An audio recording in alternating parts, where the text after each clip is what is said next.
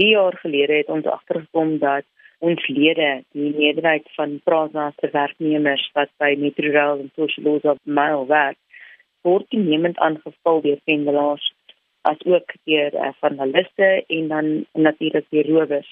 En die onderliggende woede is elke keer dat die trein laat is, um, mense verloor hulle werk, hulle sukkel om om hulle werkplekke te bereik en daar's hele rit van ander sosio-ekonomiese gevolge wat intree sodra die trein laat is.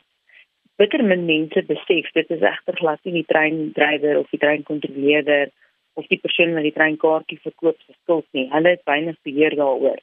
Dit is 'n gevolg van ons hele treininfrastruktuur stelsel wat oor die laaste 5 jaar in duie gestort het. Hoeveel van julle lede spesifiek gaan deelneem en watter tipe werk doen hulle by Metrorail of Prasa self? Wat Prasa spesifiek aanbetref, ons verteenwoordig absoluut alle personeel, dit sluit in treindrywers, veiligheidsbeamptes, verkopers, die kantore personeel, dis meer. Of almal van hulle gaan staak, daar sal reeds onder ons aandag gekom dat daar geweldig baie intimidasie is van Prasa se kant af self. Ons is in gesprek met Prasa daaroor. Ja, ons weet nie hoeveel van hulle gaan aan die einde van die dag aan die staak deelneem nie. Die beginsel van geen werk en betaling self. Wat is julle eise eerstens aan Prasa en Metrorail en tweedens aan die regering? Aan Prasa en Metrorail eis ons dat hulle onmiddellik hulle kritiese vakante poste vul.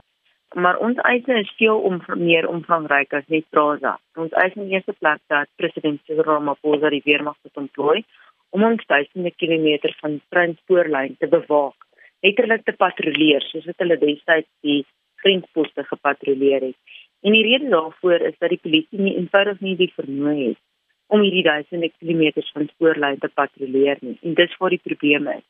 Die bestaande infrastruktuur word gestroop.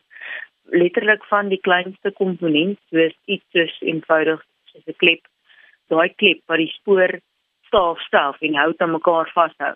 Tot daai kleppe word nou al gesteel. En dan alles regdeur tot signale, signaalbokse wat afgebreek word.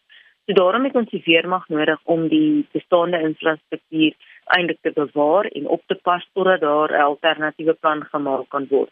Dit sou mure te bou het om behoorlike veiligheidsheininge aan te bring.